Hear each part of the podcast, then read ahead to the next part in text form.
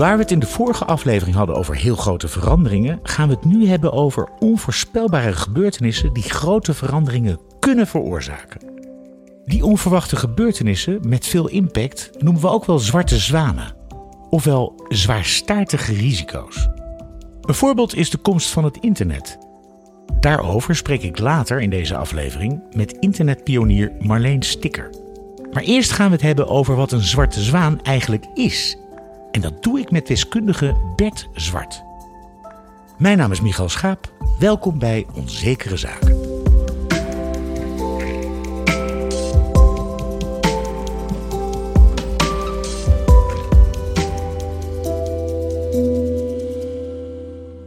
Mevrouw Kramer, professor. Nee, je bent, nog, ben je nou professor? Nee, je bent lector, lector, lector. Ik ben lector. In, in het buitenland ben ik wel een professor. Maar je bent wel een alfa, toch? Je bent een alfa. Ik ben zeker enorme een alfa. alfa. Ik ben een enorme alfa. Hoe Ik, vond je deze enorme beta, meneer Zwart? nou, ik vond het fantastisch. Ik ook. Echt, wat een, eh, wat een fascinerend verhaal. En ook, ehm, eh, ook interessant dat je vanuit heel disciplines op heel soortgelijke ehm, ideeën kan komen. Eh, dus een, een van de dingen waar ik zelf over aan het contempleren was tijdens zijn verhaal.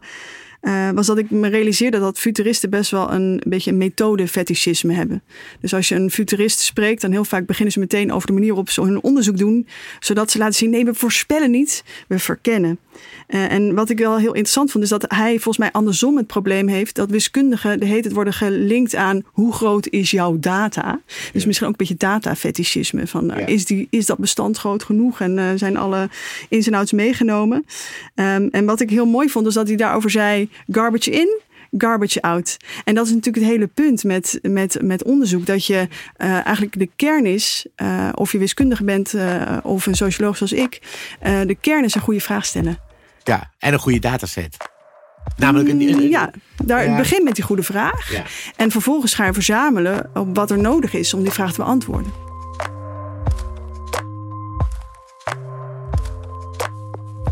Heb eh, econometrie gestudeerd. Eh, toen ik eh 18 was, moest ik besluiten wat ga ik studeren. En eh, ik vond wiskunde eigenlijk, ja, daar had ik toch het gevoel van dat is toch een beetje te nauw. En ik eh, wilde wel iets meer richting de praktijk doen. En, en ik was ook interesse in economie. En econometrie leek me een mooie, mooie compromis.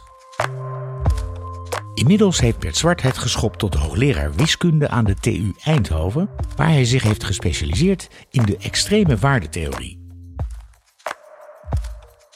Het is eigenlijk een, een- een, wiskundig elegante manier van eh, extrapoleren eh, vanuit de data die je hebt. Het vakgebied is ongeveer een eeuw oud. Eh, de, de allereerste toepassingen waren vrij onschuldig. Men wilde verklaren hoe groot tomaten zouden kunnen zijn.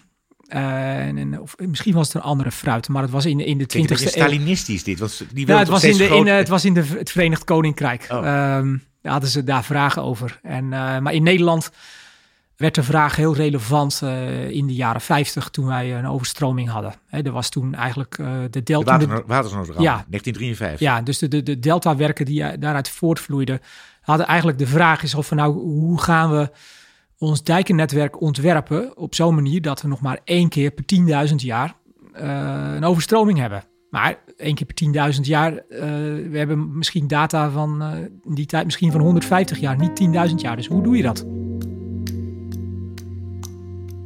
Ja, hoe doe je dat? Hoe hou je rekening met een hoogst onwaarschijnlijke gebeurtenis die, als die toch gebeurt, een gigantische impact heeft? We hebben het over in deze situatie over, zo mooi, oh, in het Engels heet het black swans. Dat zou je vertalen, maar dat vind ik dan weer vreemd in zwaarstaartige Ja, die zwaarstaartige risico, dat is een, een, een nogal technische term. Eh, ik kan dat eh, voor, eh, uitleggen aan de hand van een simpel voorbeeld. Ehm, als je met, zeg maar, met zes mensen in een studio bent en de, en de gemiddelde lengte is 2 meter 10, dan zeg ik zo van nou is waarschijnlijk het basketbalteam wordt geïnterviewd. Juist. Je weet dat, er- dat er Ja. in ieder geval één of twee extreem lange mensen tussen zitten. Maar, maar Ja. als, er gewoon, als je zegt van nou, het, er zitten zes mensen in een kamer en eh, het gemiddelde inkomen van die mensen is, eh, het gemiddelde rijkdom van die mensen is 10 miljard eh, euro, dan, dan, dan is er waarschijnlijk één van die mensen heeft 60 miljard en de rest heeft bijna niets. Dus, dus, dus die, bij die zware staarten eh, versus eh, lichte staarten, de lichte staarten eh, is eigenlijk de, de klassieke statistiek, waarbij alles mooi in een soort van belvormige curve om het gemiddelde heen ligt. Terwijl bij zware staarten uh, het enorm scheef is. Ik zag, ik zag CBS-data over inkomens als functie van de leeftijd. Gemiddelde inkomen als functie van de leeftijd uit 2015. En er zat ergens, ergens in tussen 75 en 80 zat er een enorme piek denk van, oh, dat moet koningin Beat of prinses Beatrix zijn. Die, die, die, heeft, die, die zit in die leeftijd en die heeft veel geld. En dus je kunt gewoon één waarneming, kan het gemiddelde helemaal uh, veranderen. En dus gemiddeldes uh, zeggen mij, uh, zeggen dan heel weinig. Maar nog even in het kort, hoe omschrijven we nou het best een zwarte zwaan? Hoe zouden we dat typeren? Een zwarte zwaan is gewoon, een, een, een, gewoon één datapunt die, die gewoon alles verandert. De coronapandemie. Oh, we, we hadden niet verwacht dat we het vandaag over de corona zouden hebben. Echt ongelooflijk. Uh, ja. En nou, is dit een zwarte zwaan? Een pandemie is geen zwarte zwaan. Uh, nee. Leg eens uit. Nou, ik weet bijvoorbeeld dat de, de, je hebt twee hele grote verzekeringsmaatschappijen uh, in München en in, eentje in Zwitserland. Dat zijn de, de, de herverzekeringsbedrijven. Die, dat zijn de verzekeringsbedrijven die verzekeren de verzekeraars. En die, die, ja, die hebben natuurlijk geen goed jaar achter de rug. Maar eh, die, die, die, die, die, die begrijpen wel hoe het werkt. Bijvoorbeeld van Wimbledon had een, een verzekering afgesloten, Pandemic Insurance. Hè? En Wimbledon heeft daar het geld voor. En um, nou, die, die betalen ongeveer 2 miljoen premie per jaar. En, en ze kregen 140 miljoen uitgereikt. En dan dus, dus van ja, het komt één keer, zo'n pandemie komt één keer in 140 jaar voor. Zo'n verzekeringsmaatschappij, zei ik miljoen? Ja, ik denk dat miljoen was. Zo'n verzekeringsmaatschappij wil winst maken. Dus uh, ja, je, je gaat niet je, je, gaat iets meer dan, uh, je gaat iets meer dan uh, eh, 1 op 100 uh, eh, aan premie vragen. Dus, en, en je hebt herverzekeringsmaatschappijen, als je terugkijkt, in, in, in, in, die hebben zelfs conferenties gehad over hoe verzekeren we pandemieën tussen 2010 en 2020.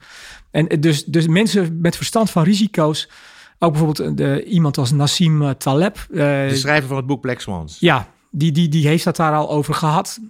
Maar inderdaad, want je kan er natuurlijk donder op zeggen. En dus is geen bedoel, gezond verstand dicteert al dat, het, dat, het, dat er een pandemie, dat pandemieën opnieuw uitbreken, toch? Het hoort bij de mens, dit soort infectieziekten. Zeker, ja, ja. ja, Dus u, maar, en, en u zegt, daarom is het geen zwarte zwaan. Omdat, men, omdat je er donder op kon zeggen dat het weer zou gaan gebeuren.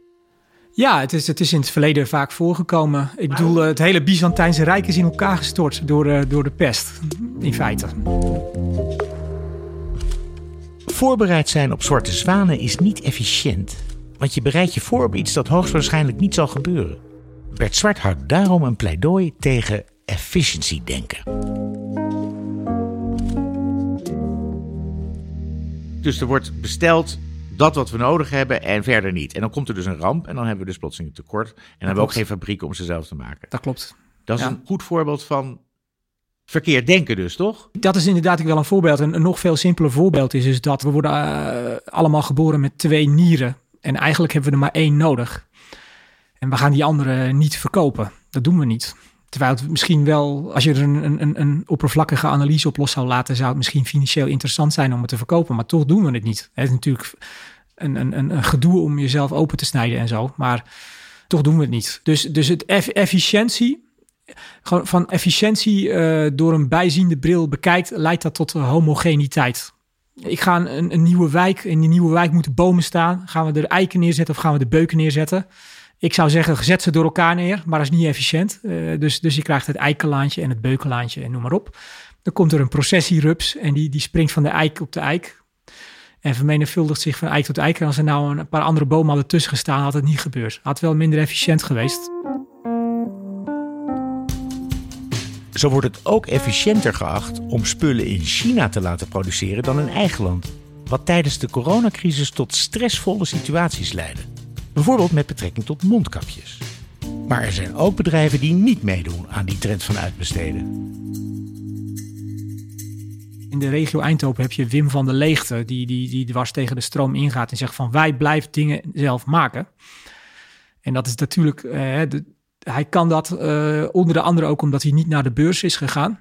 En dus geen een soort aandeelhouders van... heeft die aan zijn kop zeuren. Het moet nog efficiënter, want we onze, onze aandeelhoudersbelang moet omhoog. Ja, dus hij heeft gewoon een, een lange termijn. Uh, ja, een lange termijn visie. Uh, iets makkelijker. Nou, natuurlijk heeft Jeff Bezos ook een lange termijn bij Amazon ook een lange termijn visie gehad. En het duurde bij hem ook twintig jaar lang voordat zijn bedrijf winst ging maken. Uh, dus het kan soms wel, als je heel veel charisma hebt, naar je aandeelhouders toe. Om te zeggen van nou. Maar, maar in elk geval, van de leegte is denk ik een goed voorbeeld. En de, dus dat, er worden wel um, dingen gemaakt, maar er zijn ook heel veel dingen weggegaan.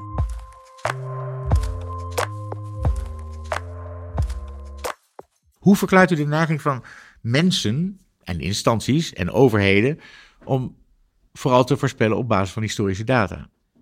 Nou, ik, ik vind dat vanuit mijn vakgebied de kansrekening moeilijk te doen. Maar ik denk dus, dus, dus wat, ik, wat ik wel zie als, je gewoon, als er ergens bezuinigd moet worden. De vraag is van, uh, is, het, is bezuinigen op zich wel een goed doel? Je moet eigenlijk, en want dan, je dwingt dan al een organisatie om, om, om te gaan snijden. Bij, bij, bij allerlei beslissingen ga je kosten- en batenanalyses maken. Maar als je een kosten-batenanalyse maakt, bijvoorbeeld van, uh, ik, van we willen alle kolencentrales sluiten, of, of dat is bijvoorbeeld in de energie een, een voorbeeld, misschien niet een heel goed voorbeeld, maar er zijn zowel bij de kostencalculatie als bij de batencalculatie zijn er risico's. Meestal uh, is de, zijn de risico's aan de ene kant groter dan aan de andere kant.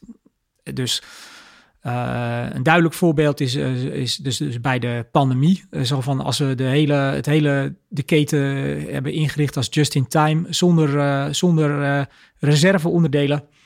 Ja, dan, dan, dan kun je de kosten met grote zekerheid uitrekenen van we hebben minder productie nodig, we hebben minder voorraad nodig. Die kosten kun je heel goed uitrekenen. Of dat zijn dan de baten bij ja, zo'n beslissing. winst, zeg maar. De, ja, ja, de winst kun je heel goed uitrekenen.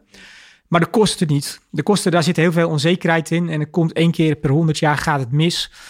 De persoon die een beslissing neemt, uh, is over vier jaar weer weg. Um, ja, dus, dus uh, het probleem is gewoon dat, dat, dat, dat, dat er vaak uh, risico's... de risico's zijn vaak veel moeilijker te kwantificeren dan de dan, dan, de, dan, de, dan de benefits. Sorry dat ik een Engels woord er tussendoor gooi. Maar dus, dus ik, ik denk in dat geval, in, scenario's waarbij de risico's moeilijker te kwantificeren zijn dan, dan, uh, dan de benefits, uh, daar gaat het dan vaak mis.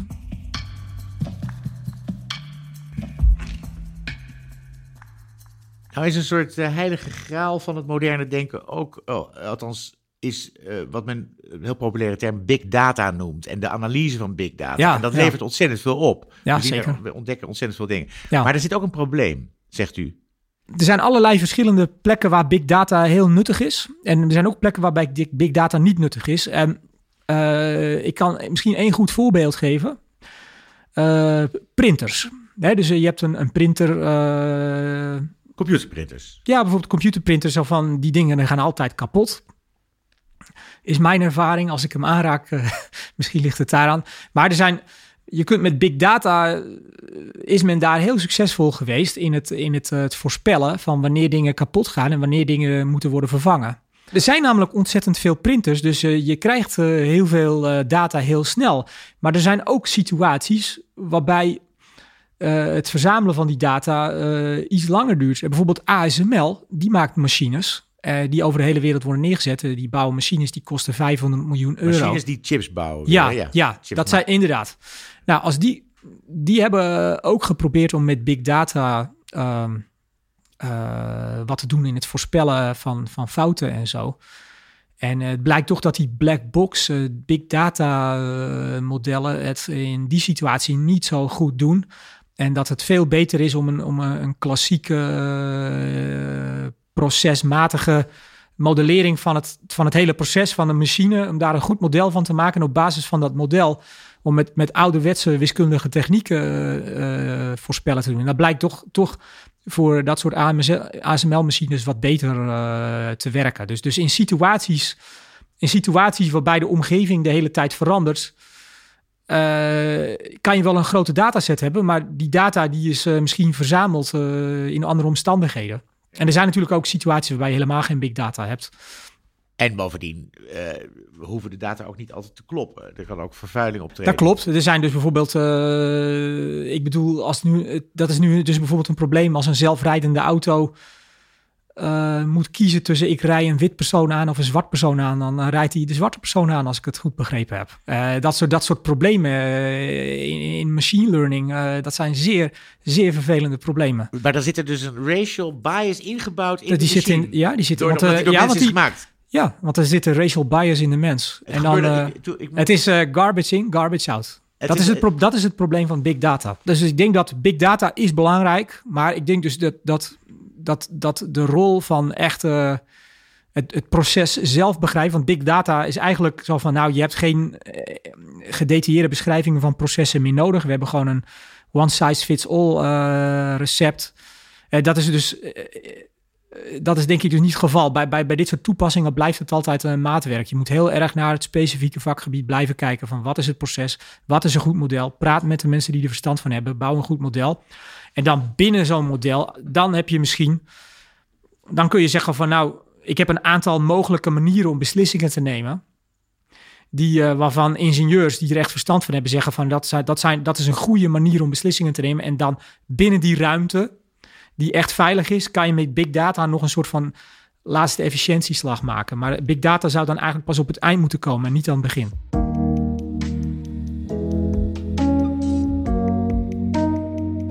Garbage in, garbage out. Je kunt nog zulke mooie modellen hebben, je moet wel weten wat je erin stopt. En daarvoor is enige wiskundige kennis geen overbodige luxe. Ik schrok enorm vanochtend van een, eh, een eh, artikel in de BBC. Dat ging over wiskundige kennis van parlementsleden. Men vroeg van wat is nou de kans op twee keer kop? Als je een munt gooi- opgooit, wat is nou de kans op twee keer achter elkaar kop? Dus je gooit een munt twee keer op, wat is de kans op twee keer kop? Nou, meer dan de helft van de politici had het fout. En ik wil niet zeggen van nou, iedereen moet gewoon eh, een vakantsrekening gedaan hebben, anders mag je niet in het parlement wonen. Dat is niet democratisch. Ik ben ook ook voor minder mensen met een universitaire opleiding en meer, eh, vooral bovenal meer mensen met gezond verstand. Je hebt die de, de, de, de Five Fundamental Laws of Stupidity. Als voor de luisteraars, die moeten ze even opzoeken. Maar het aantal domme mensen, het, de, de, het fractie domme mensen is, eh, dat is de, de eerste wet van, eh, van de domheid. Het fractie, de fractie domme mensen is onafhankelijk van waar je kijkt. Hangt niet af van opleiding, niet af van achtergrond, niet af van, hangt niet af van ras, hangt niet af van leeftijd. Je komen overal, domme mensen komen overal voor. En de kans op twee keer kop, dat is meer kennis misschien. En, en, en kennis, maar kennis, ik denk dat ja, er was, er was een soort van pleidooi dat misschien Kamerleden meer eh, ondersteuning nodig hebben. En misschien ook eh, op dit soort technische zaken. Dus de kans op twee keer kop, dat is toch een kwestie van, van scenario-analyse doen. En daarom noem ik het ook, want scenario-analyse, denken in scenario's is heel belangrijk. Er zijn ook collega's eh, van mij die geen kansrekenaar zijn. Bijvoorbeeld iemand als Lex Hoogduin zegt dat continu. heeft een achtergrond bij de Nederlandse bank. Dus in de financiële sector hebben ze hun lesje wel geleerd. Je moet denken in scenario's. Dus bij, bij die twee keer kop is het heel simpel. Je hebt vier scenario's, want je gooit, je gooit die munt twee keer op. Er kunnen vier verschillende dingen uitkomen. Je hebt kop-kop, kop-munt, munt-kop, munt-munt. Eén van die vier is kop-kop. Dus al die vier die scenario's zijn even waarschijnlijk. Dus er komt één gedeelte vier uit. Ik hoop niet dat het snel ging. Moeten we dus niet wat minder vertrouwen op de alfa's en wat meer op de beta's? Iets meer vertrouwen op inhoudelijke vakkennis. We hebben allemaal eh, vormen van, allerlei vormen van onzekerheid in de maatschappij. En ehm, eh, water, energie. In water en energie gaat volgens mij ook best goed. Eh, maar ook eh, in de gezondheidszorg en eh, de mensen met verstand van epidemische uitbraken en zo. Noem het maar op. Er zijn mensen met verstand van die vakkennis en er zijn mensen met verstand van de risico's. De, mensen, de vakmensen hebben het meeste verstand van de risico's. Eigenlijk zegt u listen to science. Nou, luister, na- nou, met name naar de ingenieurs ook. Ook naar ingenieurs, dus bijvoorbeeld binnen de epidemiologen. Luister ook naar de veldepidemiologen van mensen die daadwerkelijk hebben geholpen bij de bestrijding van ebola, hebben nuttige dingen te zeggen. Eh dat wil ik niet zeggen dat de, De andere mensen. De mensen dus eh, gewoon, gewoon mensen met vakinhoudelijke kennis. En, en, en, en ja, politici zeggen nu van we moeten naar de mensen luisteren. Maar ik denk dat ook gewoon dat, dat bij dit soort dingen moet je naar de echte vakmensen eh, zou ik luisteren. Ja, en, en, en, en, en die, die, die kunnen vaak eh, het beste een risico-inschatting maken. En, en met wiskunde kun je ook heel veel doen. Eh, maar dan kun je. Daar, daar, daarbij heb je met name bij het beslissen onze onzekerheid. We hebben geen oneindige pot met geld. Dan moet je een soort van rangorde maken van waar gaan we als eerste investeren. Maar ik denk dat gewoon als politiek moeten gewoon zeggen van nou, als je een begroting eh, van 700 miljard hebt. Uh, hoeveel van die 700 miljard gaan we nu in efficiëntie investeren en hoeveel in robuustheid? En daar, daar moet een soort van politieke trade-off in komen. Liever iets meer robuustheid, toch ook? Nou, ik denk dat het een, een uh, naïef is om te zeggen van, van die 700 miljard gaan we 700 miljard investeren in efficiëntie. Dan hebben we over 20 jaar een heel groot probleem.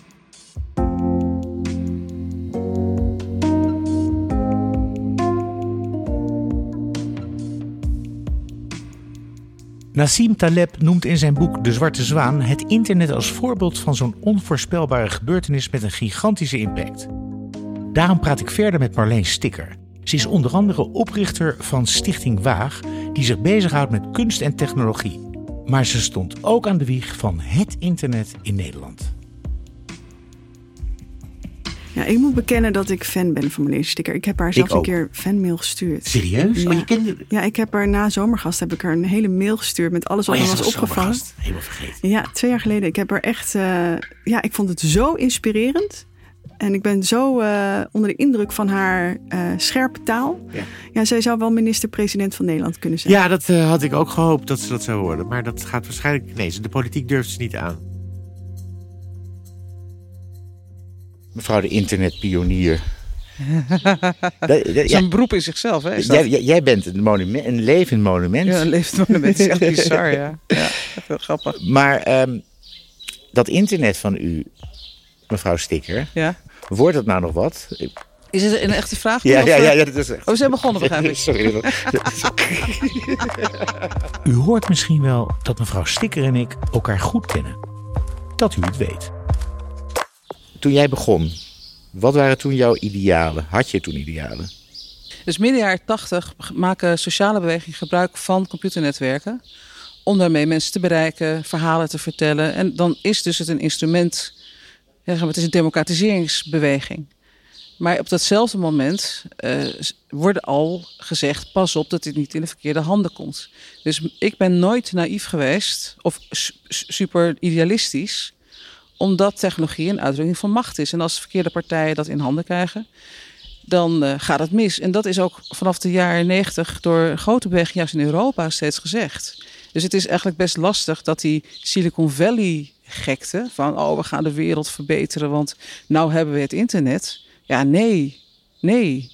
En, en, en, maar het is wel geloofd, ook hier in het Westen of hier in Europa. Dus iedereen is op die golf van, in mijn ogen, cyberspace uh, als een soort apart Nee, overal zijn machtsvraagstukken. En ook in het internet. Ik heb altijd ook tegen mensen gezegd: het is niet een anarchistisch netwerk. Daar zitten allemaal keuzes in, protocollen in. Daar zitten partijen in die erover gaan. Dus ik heb wel altijd heel geloofd in de mogelijkheden ervan. Maar altijd ook meteen gewezen op de gevaren ervan. Je moet constateren dat technologie niet neutraal is. Dus, dus het is een uitdrukking van macht. En het doet het dus toe hoe je het ontwerpt. Het is een ontwerp. Het is een menselijke artefact. Een culturele artefact. Zoals alles wat wij in de wereld brengen. Dus het is niet een act of God. Het groeit niet uit de grond. Dus het heeft alle bias, alle aannames, alle. We optimaliseren voor iets als we technologie ontwikkelen. Dus daar zit het vraagstuk. Niet dat de technologie in zichzelf altijd fout zal doen. Maar het is niet neutraal. Dus je moet eerst zeggen. Kijk, dus met een coronamelder kan je zeggen: het uitgangspunt is dat we privacy by design doen. Nou, dan kan je ook in de technologie borgen dat dat zo is. Als je dat uitgangspunt niet kiest, dan kan je er, gaan er dingen mis. Dus je kan, in heel veel, je kan heel veel dingen voorkomen. Dataminimalisatie kan je, voor, kan, je, kan je bijvoorbeeld als principe kiezen. Het gaat erom dat mensen vaak naïef in dat technologiedomein staan en zeggen, nou dat lossen ze wel op daar. En vergeten dat ze die principes en criteria moeten neerzetten. Rechten definiëren. Wie is eigenaar? Wie bepaalt? Hoe ziet de governance eruit? Dat hoor je aan het begin te doen. Niet pas later te denken, oh, we moeten toch een ethische discussie hebben. Ja. Dus we zijn te laat steeds met dat gesprek. Het hoort in het ontwerp thuis. In, in de start van het ontwikkelen van technologie.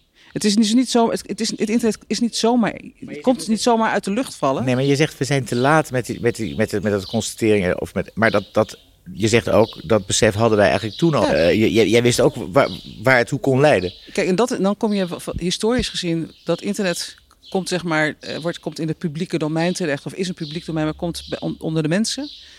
En dat is precies op het moment dat dat neoliberale denken dat de markt alles wel oplost, echt, echt op, zijn, op, zijn, echt op stoom komt. We, we privatiseren uh, het, het, onderwijs, uh, vervoer, uh, uh, energietransitie, al die, alles, uh, de energiesector. Dus precies op het moment dat je had moeten zeggen, en dat wordt in 1994, grappig genoeg, in een nationale actieplan elektronische snelwegen. Het eerste grote stuk wat de overheid produceert, staat nog een hele paragraaf. Het gaat over publieke waarden. We moeten hier grondrechten respecteren en hier is een taak voor de overheid. Dat is toen geconstateerd en daarna is er niets mee gedaan. Het internet was een zwarte zwaan. Het werd veel omvangrijker en belangrijker dan de meesten van ons konden vermoeden. En omdat het internet voor het merendeel van ons ook nog eens een vat vol onzekerheid was, was het moeilijk om overzicht te houden. Het werkte verlammend voor veel mensen. Laat dat maar aan anderen over. Mensen die er wel verstand van hebben. Hoe kan dat? Hoe kan dat? Omdat het precies valt in dat moment dat eigenlijk tegen alle ambtenaren ook gezegd wordt: dat is markt, daar moet je van afblijven. En vooral niets in de weg leggen van innovatie. Dat is slecht voor innovatie. Jij snapt het niet. Jij bent dom. Dat kan jij niet. Dus er is een enorm verhaal rondom een soort. En dat nee, internet, dat is voor jonge mensen die gaan miljonair worden. De wereld draait door. Maar Matthijs van Nieuwkerk, die dan helemaal. Oh, ik snap het niet hoor, ik snap het niet. Maar jij, jij, gaat, jij gaat een app bouwen. Jij gaat, dat is het klimaat. Dus iedereen die zei: jongens, het slaat nergens op wat je daar nu aan doet. En je moet hier nu een aantal grondregels bepalen. Mensen als Rob Gongrijp is een van de weinige mensen die toen met... Oprichter van, van later Access for All. Ja. En, maar hij is ook degene geweest... Ook hacker toch geweest? Ja, ja, Ethisch hacker. Ja, nou, hectic hè? Hectic, ja, precies. Wij, uh, wij vertrouwen stemcomputers niet. Dat is een briljante actie geweest. Want hij heeft toen precies blootgelegd waar nu iedereen pas over in gesprek is geraakt. Dus het is niet zo dat we het niet wisten. Het is alleen dat we hadden Rob Gongrijp uh, minister van Digitale Zaken moeten maken toen. Ja, ja, maar die werd niet. Die, die, en dat is het probleem. Dat men in de overheid zichzelf geen taak toedacht. En zei, dit, nou, economische zaken zei, het gaat alleen maar over innovatie. Het, begint namelijk met waar zet je die technologie voor in. En dat komt uit inderdaad. En dat, dan komen we op misschien meer de kern van de zaak. Wat, uh, wat wil je aan sturing? Uh, dat die hele beweging van datagestuurd beleid, daar zit een mensbeeld achter, een, een denkbeeld achter wat intelligentie is en wat kennis is. En, en dat de abstractie van de werkelijkheid tot, tot hogere kennis leidt dan dat je bijvoorbeeld een, een ervaringsdeskundige bent. En dat, dat zit er op dit moment, dat is hetgene wat het meest gevaarlijk is. En dat zit ook achter allerlei andere mechanismen. En dan, die combinatie, die is vrij toxic. Dus een, een, een overheidsapparaat, ambtenaren daarbinnen, die denken: ik moet nu data gestuurd, want data is een, is een objectiever. Nee, ook data is niet neutraal. Een algoritme is niet neutraal.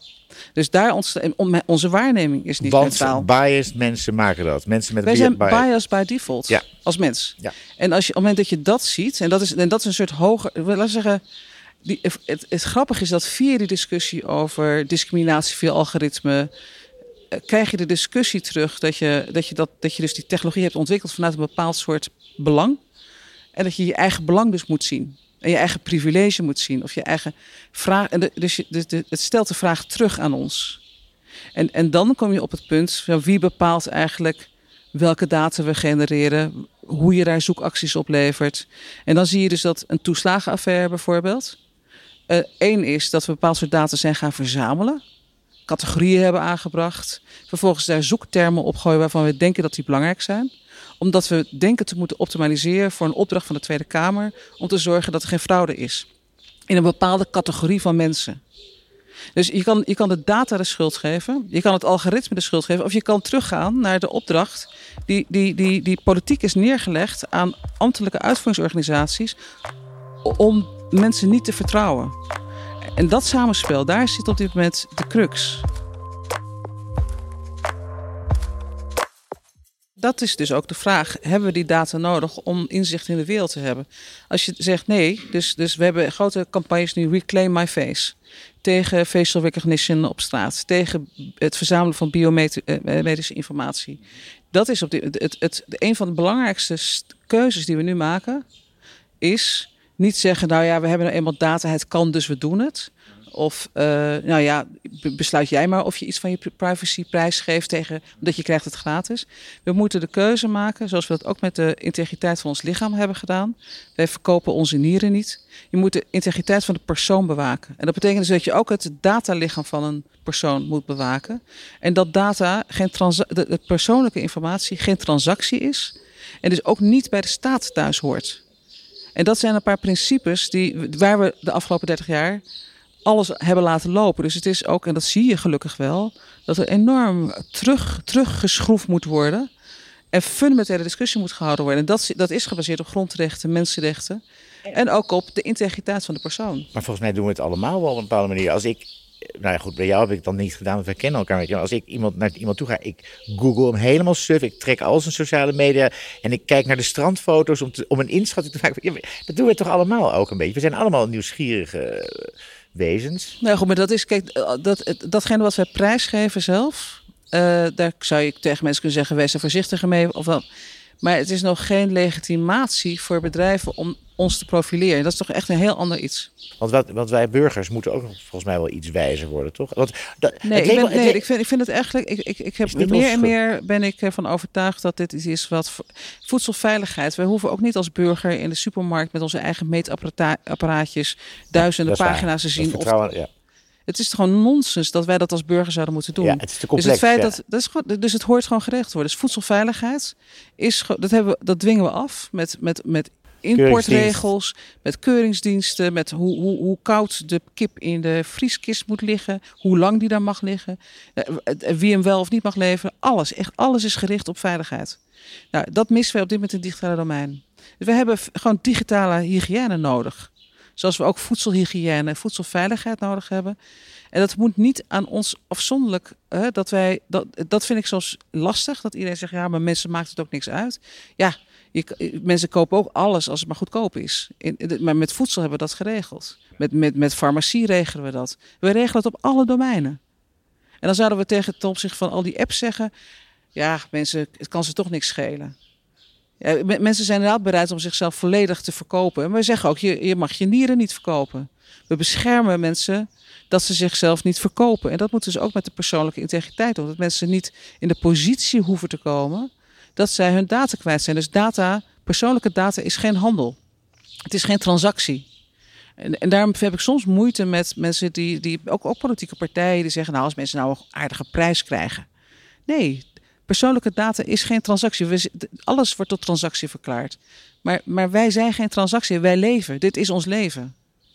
En dat wordt soms volledig buiten beeld gelaten. Dat, dat we doen alsof alles in economische, alles tot de economische handel behoort. En, daar, en ik denk dat dat ook de grote ja, zeg maar zo, transitie is waar we nu in zitten. Dat we weg moeten dat alles transactie gebaseerd is. En dat we op relaties leven. Dat, dat we een, een, onze, onze, onze samenleving op een aantal andere waarden moeten inrichten. En dat zou je kunnen zeggen, zijn we de afgelopen 30, 40 jaar kwijtgeraakt. En dat is iets waar we, waar we met man en macht volgens mij mee bezig zijn. Om dat weer weer terug te herwinnen. En, en weer terug. Dat is ook het narratief waar we met elkaar over moeten praten. Een nieuw verhaal. Kijk, kritisch ja, verhouden tot technologie en internet betekent niet dat je tegen internet bent. Of dat je je terugtrekt en zegt: Ik ben met een aluminium hoedje op. En, maar je wordt wel heel snel zo weggezet. Dus kritisch is, is het vermogen om te kunnen onderscheiden. En dat, dat hoop ik, dat men, of dat nou in het ambtelijk apparaat is, of dat, dat er tegenspraak komt. Dat, dat mensen in staat zijn om de nonsens van, van, van heel veel van die ICT-bedrijven te zeggen: jongen, jullie, jullie performen niet. En rondom die coronamelden was het fantastisch. Het was een fantastische case. Was een heel, groot deel van de industrie was, eh, was even die zou het wel eventjes gaan doen. En die moesten dus openbaar laten zien wat ze deden. Ze moesten hun code op GitHub laten zetten, zodat een hele community van Code for NL ernaar kon kijken. En de keizer had geen kleren aan. Dat, kon, dat konden we met elkaar zien. En toen is uiteindelijk, en dat vind ik ook Het werkt ook niet, toch? Die, die... Nou, de coronamelder is, die eerste ronde was, was een beetje klassiek van we gaan de bedrijfsleven vragen om het op te lossen. Vanaf het allereerste moment, en dat is echt een hele interessante keuze geweest, heeft, heeft het VWS gezegd, Oké, dat willen we dan. Notabene omdat het de COVID was, eh, was dat, uh, was dat online. Dus iedereen kon meekijken met de pitches. En toen was de vraag, is het open source? We hebben de criteria die opgesteld zijn, zijn door onder andere Wagen, Bits of Freedom en Open State en nog een aantal, aantal organisaties opgesteld, ook mensenrechtenorganisaties. Die zijn volgens gebruikt en een van die criteria was open source. Dus moest iedereen dat laten zien. En toen bleek dat er gewoon heel veel niks deugde. Dat rammelde. En vervolgens, en dat is ook een interessante stap, is, heeft de overheid dan toch maar besloten van we halen de beste mensen bij elkaar. En we gaan het dan toch maar zelf doen, maar dan wel op, ook weer open, dat iedereen mee kan kijken, om dat vertrouwen ook hoog te krijgen. En eigenlijk dat stuk, ik, ben, ik, vind nog steeds het, ik denk nog steeds dat deze app niet gebouwd had hoeven worden. Maar de manier waarop hij uiteindelijk ontworpen is, heeft laten zien dat we op een andere manier met technologie om kunnen gaan. En dat is ook, uh, uh, we dus niet per se naar het grote bedrijfsleven hoeven te stappen, die kunnen ook een rol hebben. Maar dat je niet naar de Capgemini's of naar de ICT-sector hoeft te gaan om de, zeg maar, een nieuwe generatie internet te bouwen. En dat een overheid, als die slim met de samenleving samenwerkt en met experts en met bedrijven, dat die heel belangrijk kan garanderen dat, dat we weer vertrouwen kunnen krijgen in, uh, in die applicaties.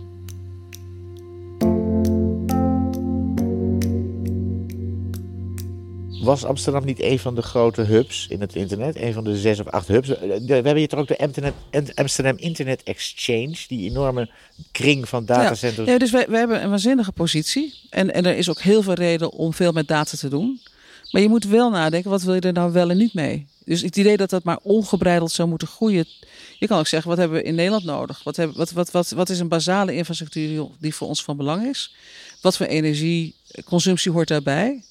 En hoe verhoudt zich dat tot andere behoeftes? Dat het onderdeel wordt van een, van een, van een, van een samenhangende, integrale afweging. En dan kan je zeggen, nou ja, ja, Google wil graag lekker dicht bij de Eemshaven zitten. Want het is lekker cool. Weet ik weet niet waarom ze allemaal hier willen zitten. Omdat we dicht eh, ons watervoorziening hebben. Uh, ja, kennelijk ook heel gemak. We hebben bijna geen land. En, to en we hebben allerlei opgaves op land. En toch zitten we te vechten om die datacenters. Er zitten regio's in Nederland elkaar op te bieden. Nou, dat is, ik denk dat je daar, ook daar eh, moeten we, en dat is allemaal die red race, het hele rare, rare principes waardoor je langs economische lijnen, klassiek economische lijnen gaat zitten proberen de, de, de, die datasets naartoe te krijgen. Er is geen grens aan economische groei. Dat is misschien ook wel een probleem. Ik bedoel, alles moet altijd maar meer en vermenigvuldigen. En er is, eh, hoewel dat hoeft natuurlijk niet, het is een keuze. Maar... Ja, je, kan, je kan ook zeggen, er is een hele beweging rondom green tech, hartstikke goed. Uh, we weten ook dat digitalisering kan helpen bij het balanceren van het energienetwerk. Dus ook data kan een hele goede functie vervullen. Dus ik wil je vooral wel die, die balans blijven zeggen. Dus ik zeg niet, we moeten helemaal niks meer met data. Of we moeten helemaal geen datacenters hebben. Maar je moet goed afwegen wat je echt strategisch noodzakelijk vindt. En wat je, wat je doet vanwege een, eigenlijk een ander belang, wat vervolgens je als een boemerang op je, terug, op je terugkeert. En daar vind ik dus dat heel veel korte termijn denken en weinig lange termijn denken op dit moment. Na het beluisteren van Marleen Sticker vraagt Marleen Twaalfhoven zich af of we het tij kunnen keren. Stel je voor, je zegt tegen de cowboys: hier is heel Amerika en dan ga maar overal alles verbouwen en iedereen verjagen en alles uh, ontginnen. Er zit misschien wel als olie heel diep in de grond. Hoe kun je dat terugdraaien? Wat kun je teruggeven? Wat kun je veiligstellen? Kun je een reservaat inrichten? Kun je dingen uh, beschermen? En ik denk dat het nu dus al heel laat is. Het internet is al helemaal gekoloniseerd, geëxploiteerd, leeggezogen door allerlei vormen van alle businessmodellen die je kan bedenken. Um, kunnen we het stukjes misschien weer terugveroveren. Terugveroveren. En dat kan natuurlijk wel.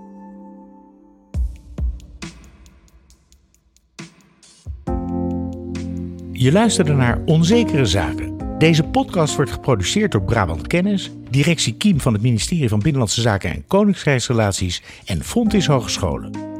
De eindredactie is in handen van Thomas Hoogeling, muziek en montage Rinky Bartels Tessa Kramer en Marlijn Twaalfhoven gidsten ons door onzekere zaken en mijn naam is Michal Schaap.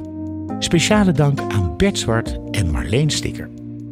Bij deze podcast hoort ook een gids waarmee je zelf aan de slag kan met onzekerheidsvaardigheden. En die gids kun je dan weer bestellen op onzekerezaken.nl, de website waar je alles kunt vinden over deze verkenning. De volgende keer spreek ik met Chloe Rutserveld en Lucas van der Storm over stikstof, plofinsecten en het belang van onafhankelijke journalistiek. Tot dan.